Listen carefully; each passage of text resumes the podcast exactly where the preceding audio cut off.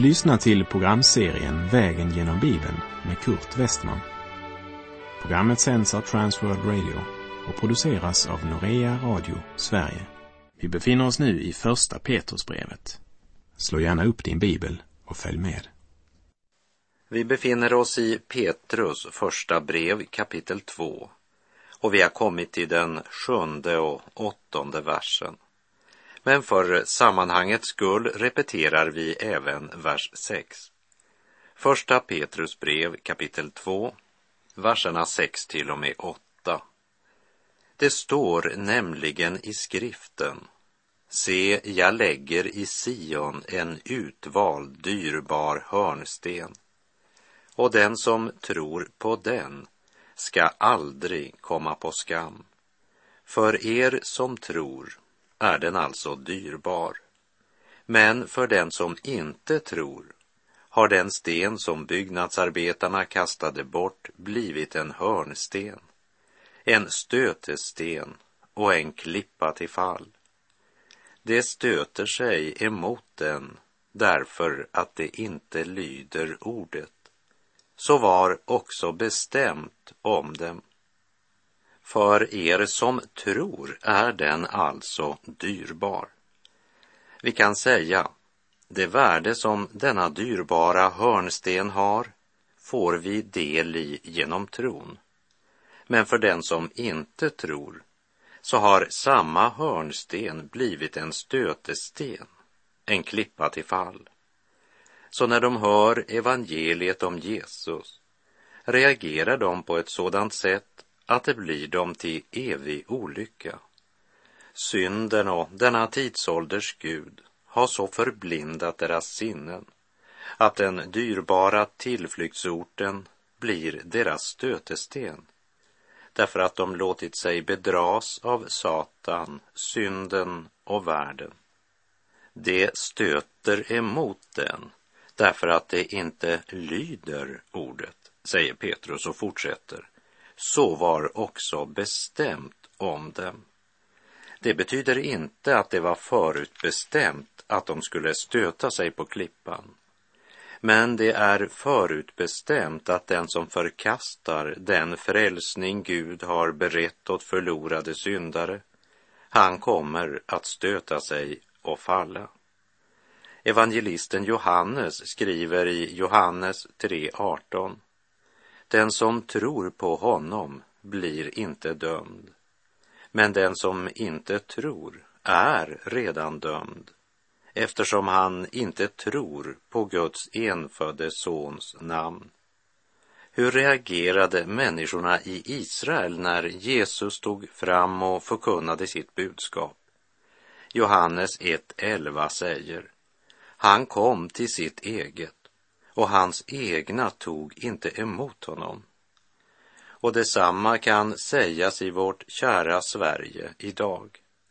En nation med korsets tecken i vår flagga och med lagar som en gång byggde på Guds heliga bud.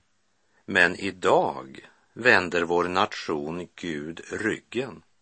Vi har fått en kultur utan Gud.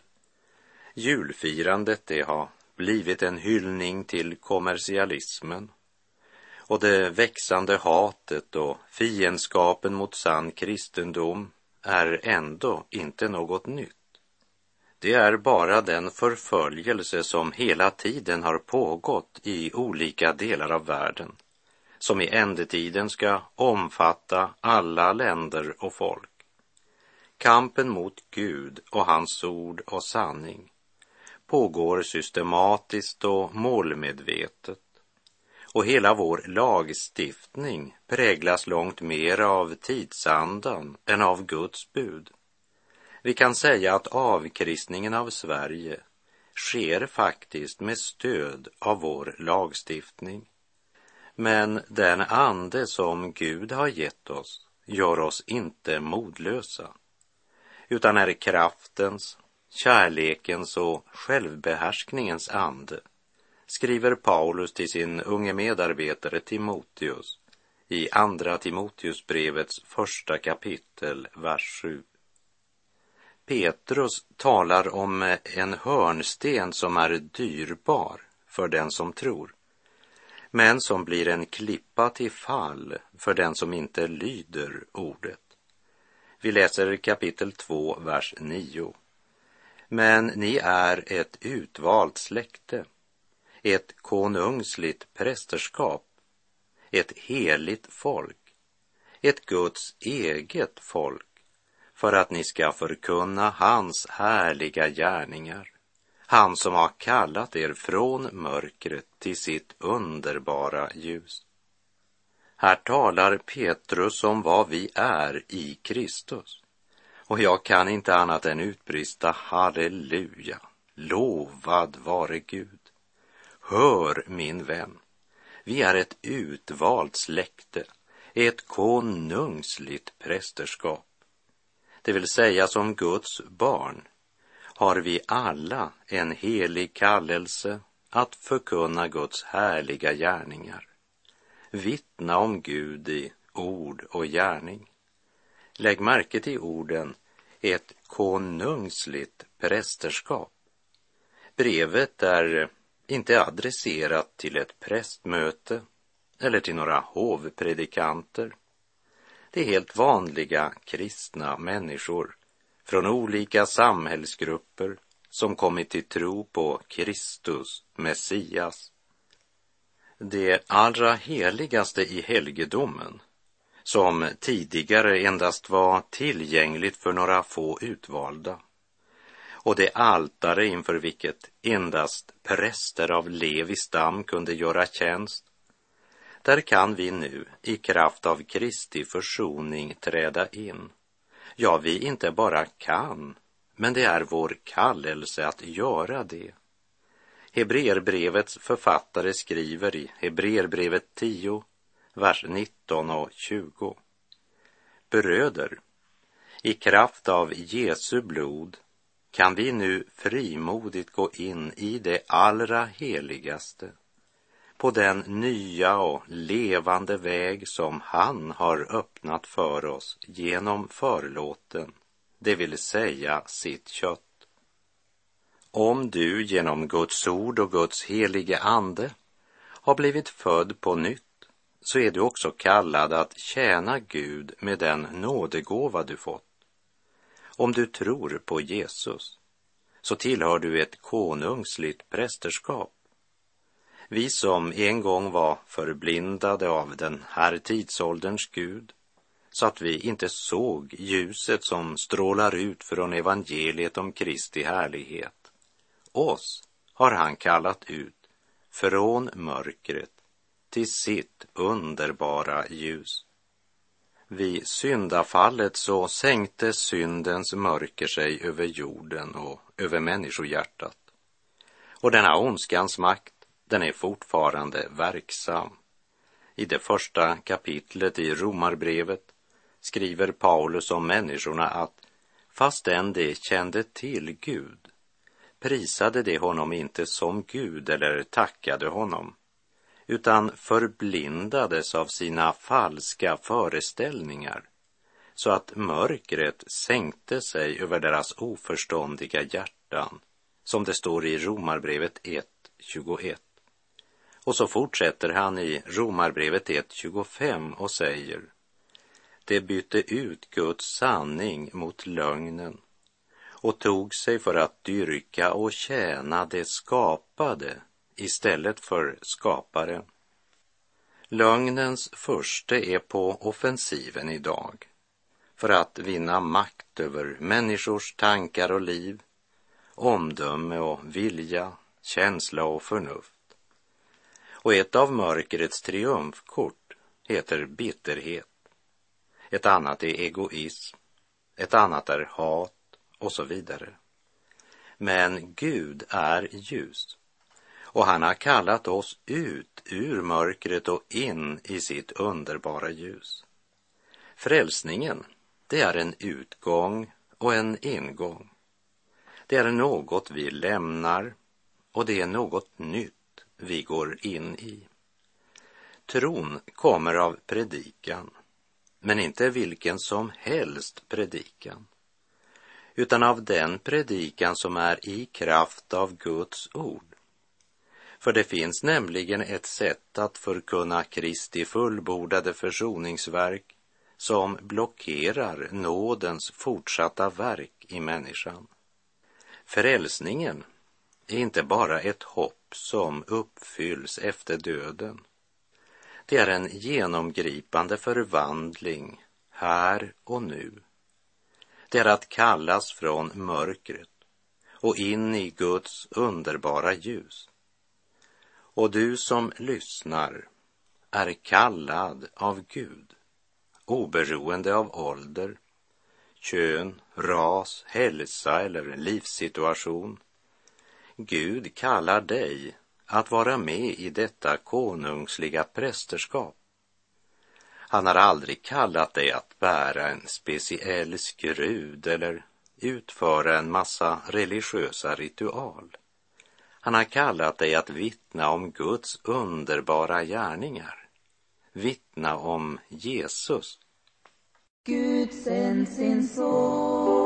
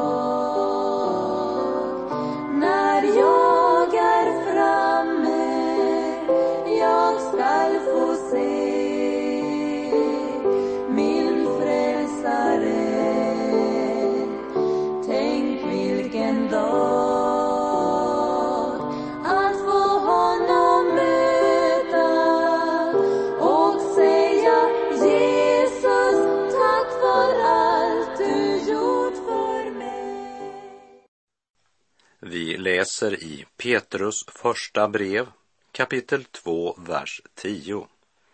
Ni som förut inte var ett folk är nu Guds folk.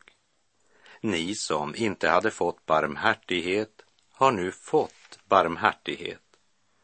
Han kallade dig att tillhöra ett nytt folk. Inte svensk, norsk eller dansk eller någon annan nationalitet, men till medborgare i ett rike som består av människor ifrån alla stammar, språk och folkslag, som i Kristus har blivit ett folk. Vi är ett utvalt släkte, ett Guds eget folk. Vi tillhörde inte Gud.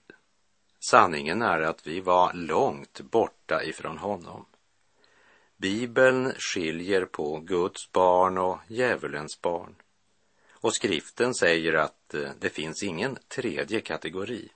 Antingen tillhör man Gud eller också tillhör man honom inte. Och då tillhör man alltid djävulen. Och den som inte står under Guds nåd står under Guds dom. Och för den finns det ingen barmhärtighet. Det är som vi kunde höra glädjen och triumfen och lyckan i Petrus ord när han utbrister. Ni som inte hade fått barmhärtighet har nu fått barmhärtighet. Men frälsningen är ju inte bara att få sina synder förlåtna och få del i Guds barmhärtighet. Genom Kristi försoningsdöd, hans segerrika uppståndelse och Guds löfte i Kristus har vi fått del i gudomlig natur. Vi är födda på nytt och Guds helige ande har uppenbarat Gud för våra hjärtan, uppenbarat Guds ord för våra hjärtan. Och med den kunskapen följer ett ansvar. Att Gud placerar Kristi kors mellan mig och mina synder, det är frälsningen. Att jag är villig att placera korset mellan mig och världen, det är frälsningens konsekvens. Vi läser kapitel 2, vers 11. Mina älskade, jag uppmanar er som främlingar och gäster att hålla er borta från de kötsliga begären som för krig mot själen. Petrus är mycket konkret. Det är något som han uppmanar oss att hålla oss borta ifrån. Det vill säga, det är vissa val vi måste göra. Efter att vi blivit födda på nytt är den här världen inte längre vårt hem. Vi är bara gäster och främlingar här. Och därför ska vi inte bli ett med den värld som är främmande för Kristus och livet i Gud. Vi ska tänka på det som hör anden till. Tänka på det som är där ovan, inte på det som är på jorden som det står i Kolosserbrevet 3, vers 2. Därför skriver också Paulus till de troende i Rom, Romarbrevet 8, vers 5. Det som lever efter sin kötsliga natur tänker på det som hör till köttet. Men det som lever efter anden tänker på det som hör till anden. Och så fortsätter han i Romarbrevet 8.13. Om ni lever efter köttet kommer ni att dö. Men om ni genom anden dödar kroppens gärningar skall ni leva. Och Petrus förkunnar detsamma. Håll er borta från de kötsliga begären som för krig i själen. Vi läser kapitel 2, vers 12 Uppför er väl bland hedningarna så att de, när de anklagar er som förbrytare, ser alla goda gärningar ni gör och prisar Gud den dag han uppsöker dem. Avskildhet, det betyder alltså inte att isolera sig från världen, men att leva annorlunda än denna världens barn.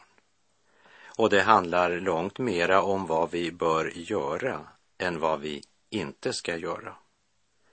Det innebär att utföra sina arbetsuppgifter väl. Det handlar om att vara ärlig och redlig i affärer och i relation till våra medmänniskor.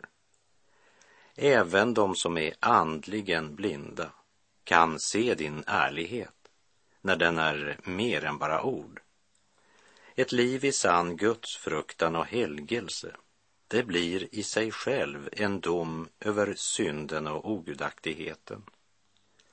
Om hedningarna anklagar oss, ja, då bör det inte vara därför att vi är oärliga och världsliga, utan därför att vi lever ett liv i Guds fruktan och helgelse. Saliga är de som blir förföljda för rättfärdighetens skull. Dem tillhör himmelriket, sa Jesus i sin bergspredikan, Matteus kapitel 5.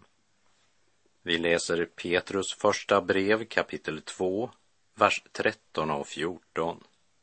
Underordna er varje myndighet för Herrens skull. Det må gälla kejsaren som högste härskare eller landshövdingarna som är utsända av honom för att straffa dem som gör det onda och hedra dem som gör det goda.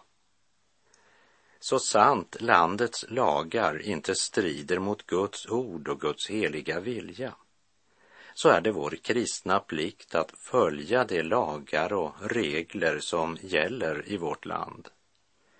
I Apostlagärningarnas femte kapitel berättas att överste prästen och alla hans anhängare, det vill säga saduceernas parti, uppfylldes av avund och så grep de apostlarna och satte dem i fängelse.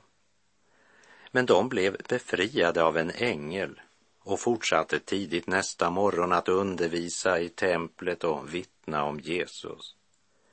Och då gick ledaren för tempelvakten tillsammans med tjänarna och förde bort dem utan att bruka våld eftersom de var rädda för att bli stenade av folket. Och så ställde de dem inför det stora rådet som sa Förbjöd vi er inte strängt att undervisa i det namnet? Och nu har ni fyllt Jerusalem med er lära och vill att denne mannens blod ska komma över oss. Då svarade Petrus och apostlarna, man måste lyda Gud mer än människor. Petrus och de övriga apostlarna var laglydiga medborgare. Men när den borgerliga lagen kom i konflikt med Guds ord tvekade inte Petrus och de övriga apostlarna om vad de skulle göra. Man måste lyda Gud mer än människor. Underordna er varje myndighet för Herrens skull. Det må gälla kejsaren som högste härskare eller landshövdingarna som är utsända av honom för att straffa dem som gör det onda och hedra dem som gör det goda. Ty det är Guds vilja att ni genom att göra gott ska tysta munnen på oförståndiga och okunniga människor. När någon av vårt lands lagar strider mot Guds ord och bud, då är det min kallelse att reagera och att lyda Gud mer än människor. Men det är i de allra flesta tillfällen min klara skyldighet och plikt att rätta mig efter mitt lands lagar. När jag får en parkeringsbot kan jag inte säga att jag tar emot den med ett leende precis, men jag bör i alla fall inte bli arg på parkeringsvakten som bara utför sin plikt. Jag bör betala och så se mig för bättre nästa gång.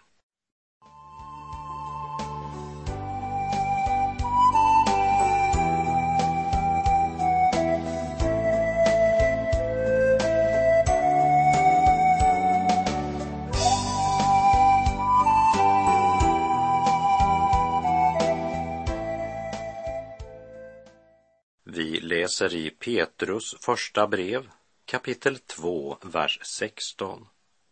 Ni är fria, men använd inte friheten som täckmantel för att göra det onda, utan för att tjäna Gud.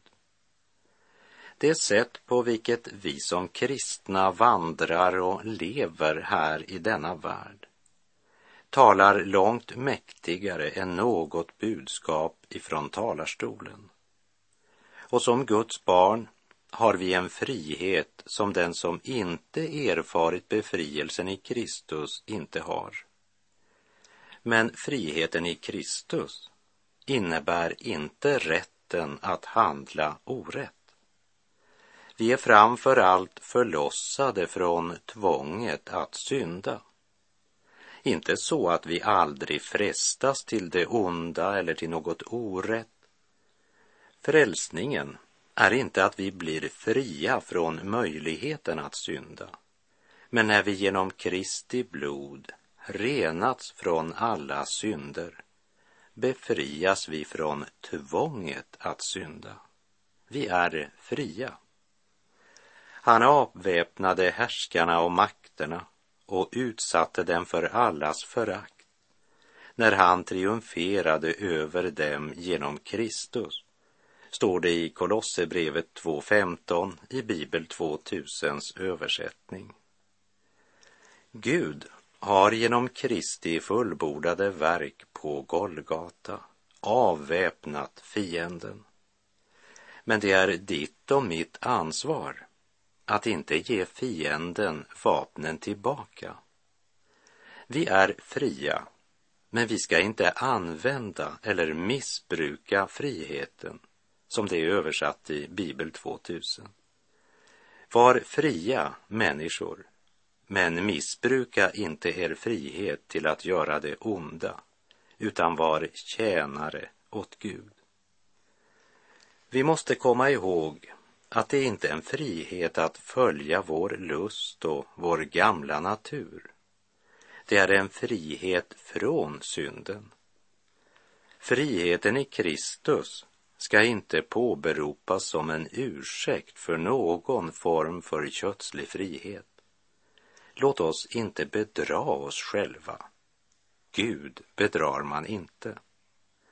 Om du verkligen är fri, så visa då det genom att helhjärtat tjäna Herren Gud.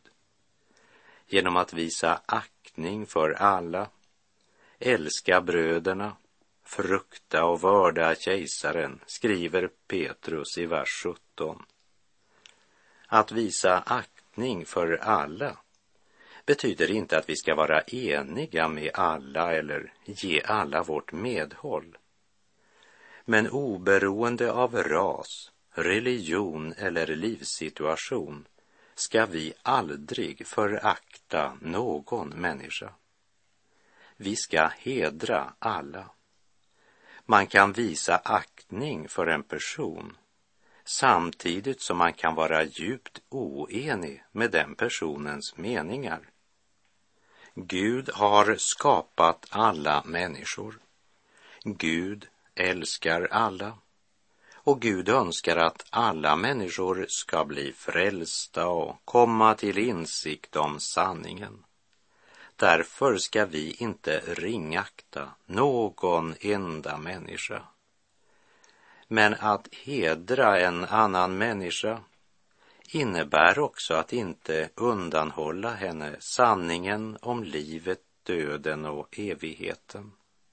Vi ska älska våra trossyskon, inte bara de som tillhör samma organisation eller samfund, men alla som verkligen tillhör Jesus och som tror på Guds ord.